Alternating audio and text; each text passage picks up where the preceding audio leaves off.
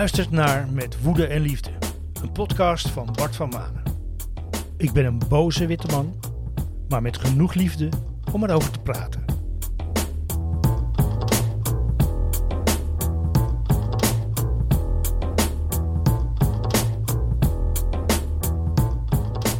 Een stijgende woede heeft zich van mijn meester gemaakt nu ik me verder heb verdiept in de kwestie Lutkemeerpolder.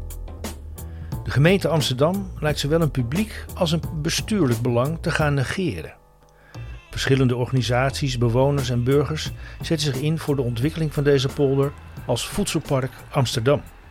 Het gaat om de resterende 42 hectare van de Lutkemeerpolder. In verschillende alternatieve modellen van economie komt heel vaak de commons terug. De commons is een oud idee waarin uh, de grond niet van één persoon is, maar van een gemeenschap.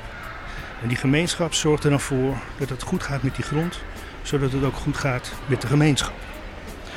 En dat is een systeemverandering in een economie waar uh, tegenwoordig regelmatig voor gepleit wordt, omdat uh, het Anglo-Saxische kapitalisme veel ellende heeft veroorzaakt, doordat er productie moet worden gemaakt voor, voor zoiets als grond.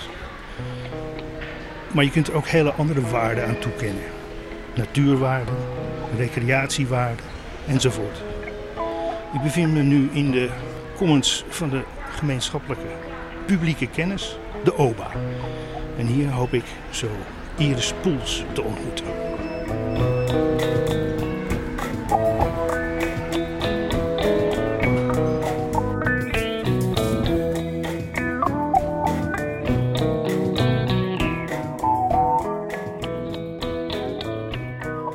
Verantwoordelijk wethouder Reinier van Danzig wilde zijn tien jaar oud en achterhaald bestemmingsplan volgen dat van de polder een bedrijventerrein maakt.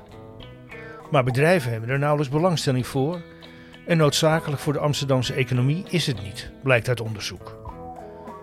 Met name de angst voor financieel en gezichtsverlies lijkt dit gedrag van de gemeente Amsterdam te dicteren. De grond is daarnaast in handen van de SDADC, een publiek-private BV waarvan de gemeente Amsterdam de grootste aandeelhouder is. Er wordt zodoende een vaag spelletje gespeeld met vele onbeantwoorde vragen. Wat zou het de gemeente dan gaan kosten? Geen idee. Wie zijn dan die zogenaamd geïnteresseerde bedrijven? Mogen we niet weten. Waarom dan niet? Dat wordt niet gemotiveerd. Ander onderzoek wijst overigens uit dat al die billenknijperij, al die angst onterecht is. Maar intussen ligt de grond zo'n beetje braak en verkeren geïnteresseerde biologische kwekers en ondernemers in onzekerheid. U hoort het getik en gerammel van het eh, café in de Oba. En ik zit hier met Lia Kouwenhoven en eh, Iris Poels aan de koffie. Ehm, we gaan het even hebben over de, de Lutkemeerpolder en het Voedselpark Amsterdam, de plannen daarvoor. En Lia is bewoner van Nieuw-West en maakt zich ook zorgen over de, de indeling daar van uh, de polder. Uh, omdat Nieuw-West is volgens haar het Groningen van Amsterdam. Leg eens uit, Lia. Uh, ja, waar zal ik beginnen? Nou, ik woon sinds 22 jaar in Slotermeer. En ehm, in die 22 jaar heb ik verandering ten goede gezien. Hè. Veel nieuwbouw weer de laatste jaren. Maar ik zie ook de, de blijvende armoede. Uh, ik woon in de buurt van plein 4045 en daar is het echt heel verwaarloosd, smerig. Uh, ja, gewoon niet oké. En ik zie dat er vanuit de gemeente weinig gebeurt. Er is wel veel windowdressing, zeg maar, hè, met een glazen huis op het plein. En uh, zogenaamd wel veel activiteit voor bewoners. Maar de wezenlijke dingen, het is echt het aanpakken van uh, de vervuiling en de armoede. En ja, dat gebeurt volgens mij te weinig. Nou, ik ben op een of andere manier in aanraking gekomen met het voedselpark in de Lutkemeer. En dat klikte bij mij heel erg van dit is heel wezenlijk. Het behoud van deze agrarische polder. Ik heb ook jaren in de landbouw gewerkt. Vanuit beleid toen de tijd. Uh, ja, ik zie gewoon heel erg het belang van het behoud zijn dan. Met name ook voor Nieuw-West en met name ook voor de armere gebieden. vanuit verschillende dingen. Hittestress, het tegenhouden van de hittestress, klimaat. Als de polder uh, verdoost wordt met heel veel beton, dan gaat de temperatuur, is uh, onderzocht, echt oplopen. Ik geloof anderhalve graad, twee graden. Nou ja, dat weet ik niet precies, maar het is heel slecht voor de, voor de warmte. Het is ook heel slecht voor het water, de afvloeiing van het water als het uh, niet meer bestaat. Nou, dat gaat op Nieuw-West ook natuurlijk gevolgen krijgen. En wat, wat ik heel erg leuk vind is dat als het plan van het voedselpark gerealiseerd kan worden de komende jaren, dat dat een enorme uitstraling gaat krijgen op heel Nieuw-West. En je gaat veel meer de, ja, de, de, de kern van ons bestaan is eten en voedsel. Als we dat niet hebben, ja, dan, dan houdt het op. En ik denk juist dat uh, het heel dichtbij houden van deze uh, ja, agrarische activiteiten, met natuurlijk een spin-off naar allerlei kleine bedrijfjes, dat dat voor uh, Nieuw-West ook een boost kan geven. Maar ook voor de, met name voor de bevolking. Dus. Ja, ja, ja, ja, juist voor de bevolking. we hebben natuurlijk heel veel culturen in Nieuw-West ook. En uh, je merkt ook, hè, ook bijvoorbeeld de fruittuin van West is natuurlijk al zo'n project. Daar merk je dat daar uh, alle bevolkingsgroepen en vanuit alle culturen komen. En dat is bij het voedselpark zal dat ook zo zijn. En bij de boerderij uh, is dat ook al zo. Daar kan Iris natuurlijk meer over vertellen. Maar ja, ik weet zeker dat het gewoon een ontzettend belangrijk plek kan worden voor Nieuw-West. Juist om met elkaar ook daar een leefbare omgeving in te houden. Dus zowel vanuit de hitte als het waterprobleem, maar juist ook vanuit de voeding, het eten. Uh, ik zie dan voor me dat, dat onze markt op plein 4045, dat daar ook een kraam komt te staan. Misschien meerdere kramen van ondernemers die kleinschalig in de Lutkemeerpolder bezig gaan zijn. Dat zie ik echt als een toekomstbeeld voor me. Ja. En uh, uh, je noemt het het uh, Groningen van Amsterdam. Ja. Hoe merk je dat? Ja. Nou, mijn ogen zijn echt open gegaan. Ik had steeds al het gevoel van wat, wat maakt nou dat wij hier niet het mooi, mooi krijgen of zo. Ook, hè? De, de, wat je wel ziet in andere delen van de stad. Dat zie je in West, Bosselommerweg. En ik las het boek, boek van Bas Kok.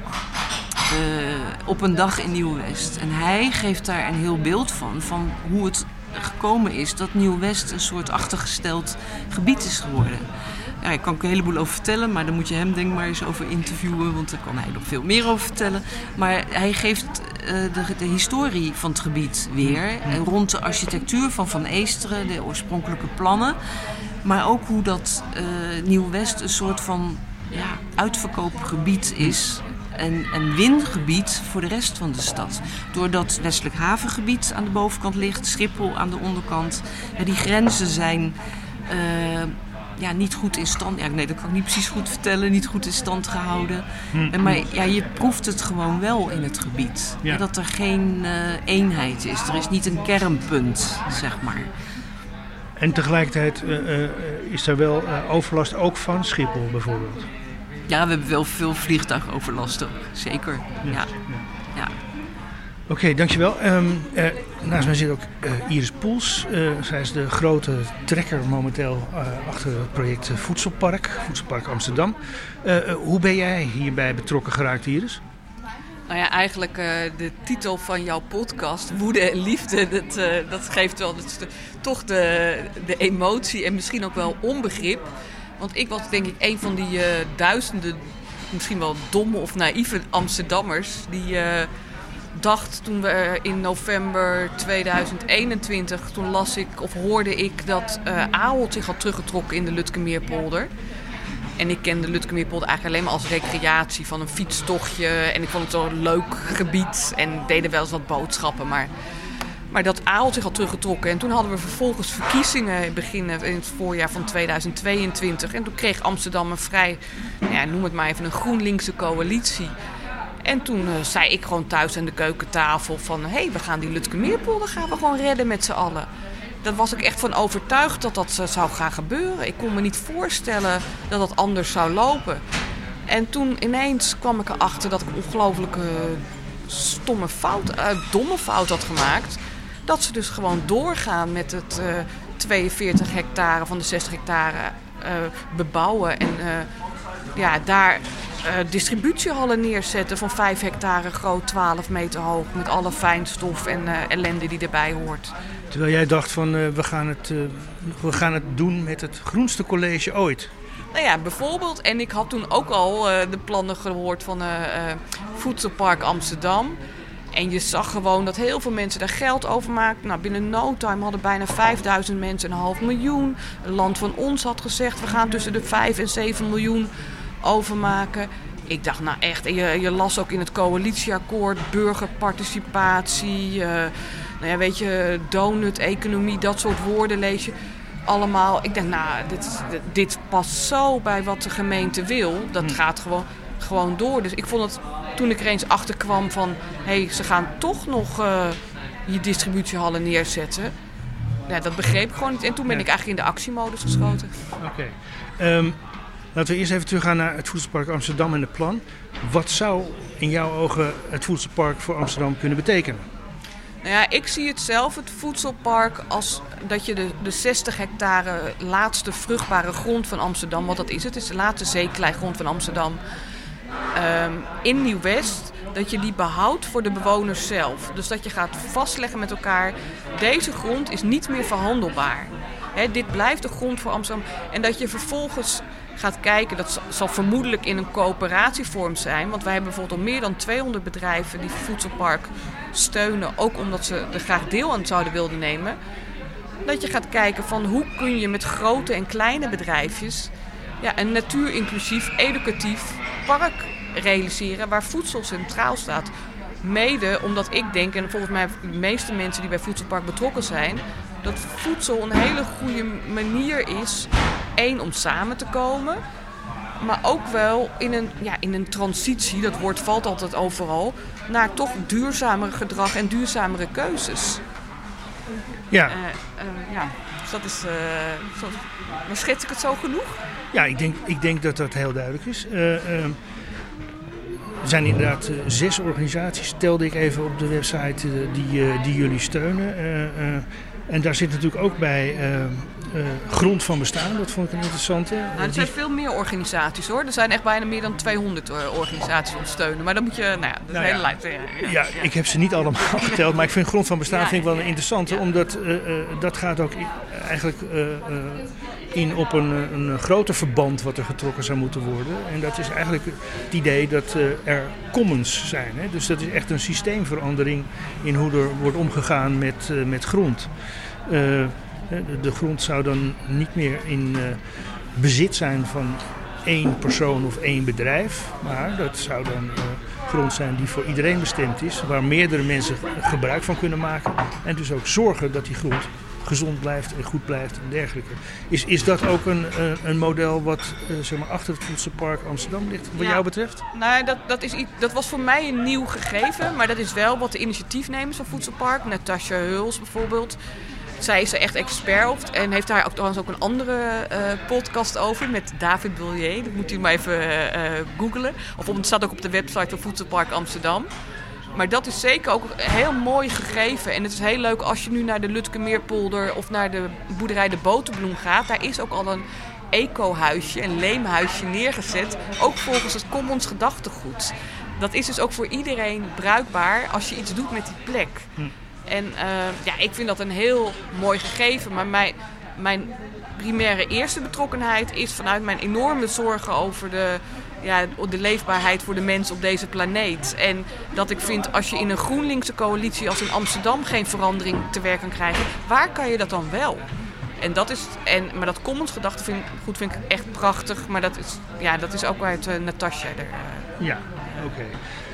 En dat is ook overigens een, eh, een, eh, een initiatief wat landelijk zou moeten gelden. Hè? Dus er meer, meer gebieden zijn die op die manier beheerd zouden moeten worden. Ja, ik denk, weet je, als je het. Uh, ja, je kunt je heel erg gaan afvragen: van, van, moet grond wel in het bezit zijn van een paar mensen?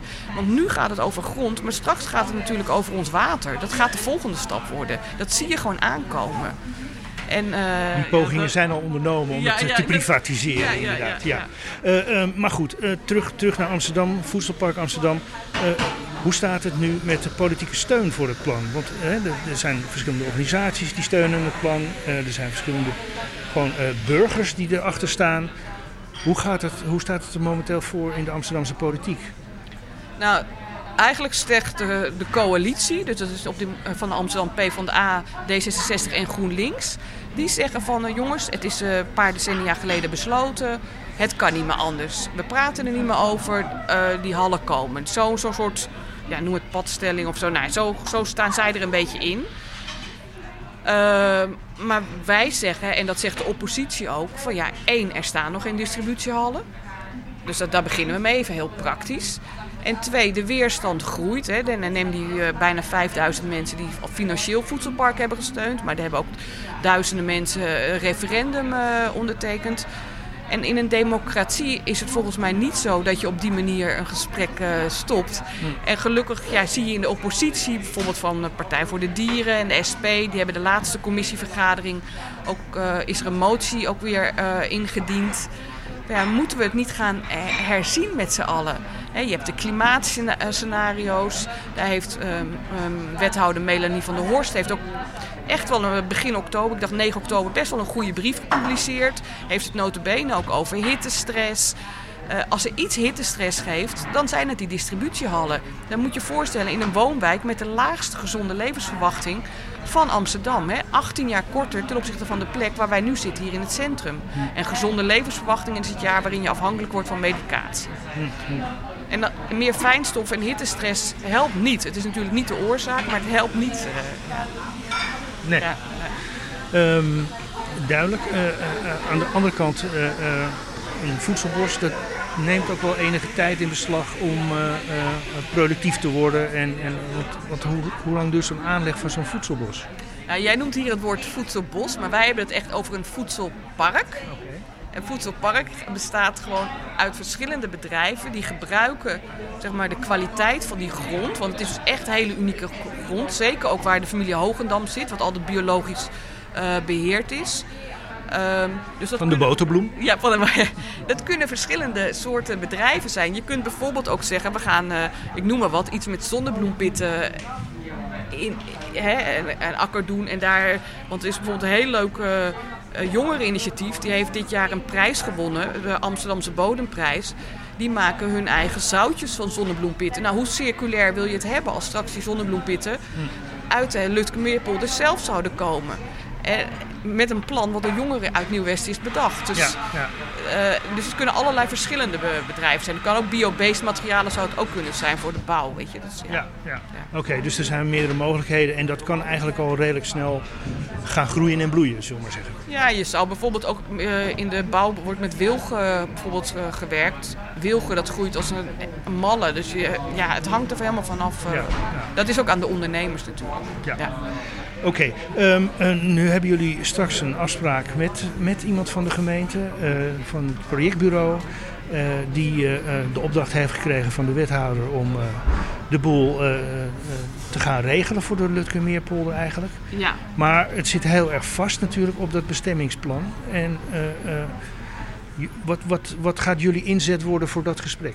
Nou, de, de aanleiding is de bijeenkomst op 8 september geweest. Dus een bewonersbijeenkomst geweest. De, daar staat een verslag van op onze website. En daar is eigenlijk door deze meneer Wien gezegd, de projectleider Lutke Meerpolder... Uh, ja, we gaan een joint fact-finding doen over waar, dingen waar nog vragen over uh, zijn. Bijvoorbeeld, een van de dingen die steeds wordt gezegd... er zijn afspraken, we kunnen niet anders meer. Maar wij als Amsterdammers weten niet wat voor afspraken zijn dat dan maak dat dan eens duidelijk. Wat ook een heel onduidelijk verhaal blijft, is bijvoorbeeld de kosten. Uh. Wij hebben gevraagd om een maatschappelijke kostenbatenanalyse. Waarin je ook bijvoorbeeld meeneemt, er moet een nieuwe brug aangelegd worden voor het vrachtverkeer. Maar ook de kosten die je krijgt om mensen zieker gaan worden.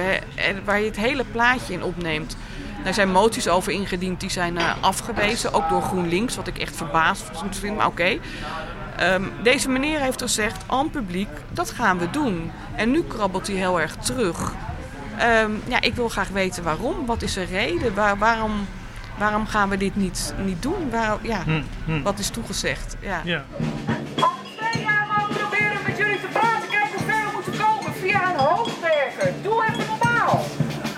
Nou, misschien moeten we daar nog even op, op, terugkomen als jullie dat gesprek hebben gehad. Ja, wat, nou ja, wat de wethouder de hele tijd zegt van uh, ik moet een betrouwbare overheid zijn. Maar het lijkt erop dat er alleen maar een betrouwbare overheid is in de Lutkemeerpolder naar het bedrijfsleven. Maar niet in het algemeen belang naar de bewoners toe. Nee. En uh, nou ja, dat, gaan we, ja, we gaan eerst maar eens even praten vanmiddag en dan uh, het wordt vervolgd. Ja, Nee, want die, die, die goede overheid, die betrouwbare overheid, dat is natuurlijk nu uh, ook landelijk. Hè. De verkiezingen komen er ook nog aan, uh, 22 november. Dat is echt een uh, belangrijk punt. Maar het lijkt ook een beetje te komen door de constructie die de, de overheid hierin heeft gekozen. Want de, de, de Amsterdamse gemeente is eigenlijk wel deel, grotendeels eigenaar opdrachtgever en uitvoerder. Hè? Want er zitten, zijn ook, er zitten ook uh, in SADC, er zijn vier aandeelhouders. Dat is, dat is de gemeente zelf, dat is Schiphol natuurlijk, dat is de provincie en de gemeente Haarlem en Lieden. Dus ja, het is natuurlijk, ze hebben gewoon meerdere petten op in deze. En dat is, heel, eh, dat is toch raar, vind ik dat. Ja. Uh, en is het nou ook zo dat de transparantie van die afspraken ook een probleem is? Omdat ze dus daar met, met z'n allen die SADC een BV hebben gevormd, waardoor die transparantie ook niet hoeft worden te gegeven. Dat zou goed kunnen, maar dat, dat, dat weet ik niet zo. Dat, uh, ik, ik denk van ja, zij zeggen van ja, het kost nu, uh, wat is het, iets van 90 eh, miljoen om uh, dit te stoppen. Maar die, die berekening is gewoon heel erg vaag. En ja, we, we snappen, ik, dat kan gewoon beter uitgelegd worden. Ja. Als het al uitgelegd kan worden. Dat is misschien ook nog een, een, punt. Uh, dankjewel. Ik, uh, ik uh, ga jullie straks even bellen na het gesprek. Okay. Graag horen hoe het uh, is afgelopen. Oké. Okay. Ja.